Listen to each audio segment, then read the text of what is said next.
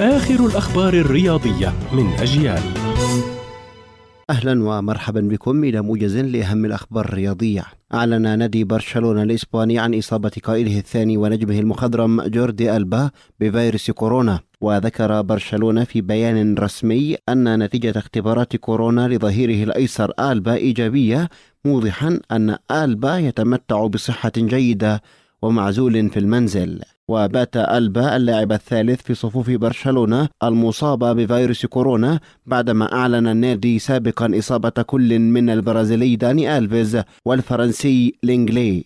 توج البرتغالي كريستيانو رونالدو نجم مانشستر يونايتد بجائزة الهداف التاريخي لكرة القدم والمقدمة من جلوب سوكر بالشراكة مع مؤتمر دبي الرياضي الدولي. ويأتي فوز الدون بالجائزة بعد أن سطر تاريخه بأحرف ذهبية بتسجيله 687 هدفا مع جميع الأندية التي لعب بها كما صنع 300 آخرين بالإضافة إلى 115 هدفا أحرزها مع منتخب البرتغال. ونال الفرنسي كيليان امبابي جائزة لاعب العام في 2021 وفاز الإيطالي بونوتشي بجائزة أفضل مدافع.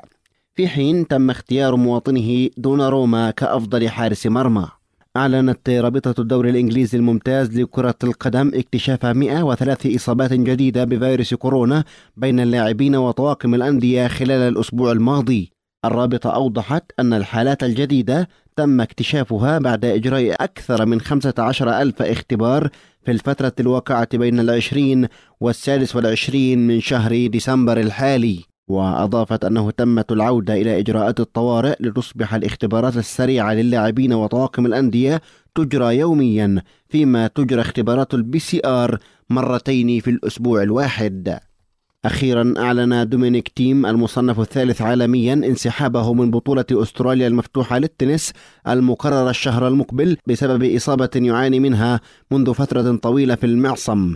ولم يتمكن اللاعب النمساوي الذي يبلغ من العمر 28 عاما والذي لم يلعب منذ إصابته في بطولة مايوركا المفتوحة في يونيو حزيران الماضي من الدفاع عن لقبه في أمريكا المفتوحة هذا العام.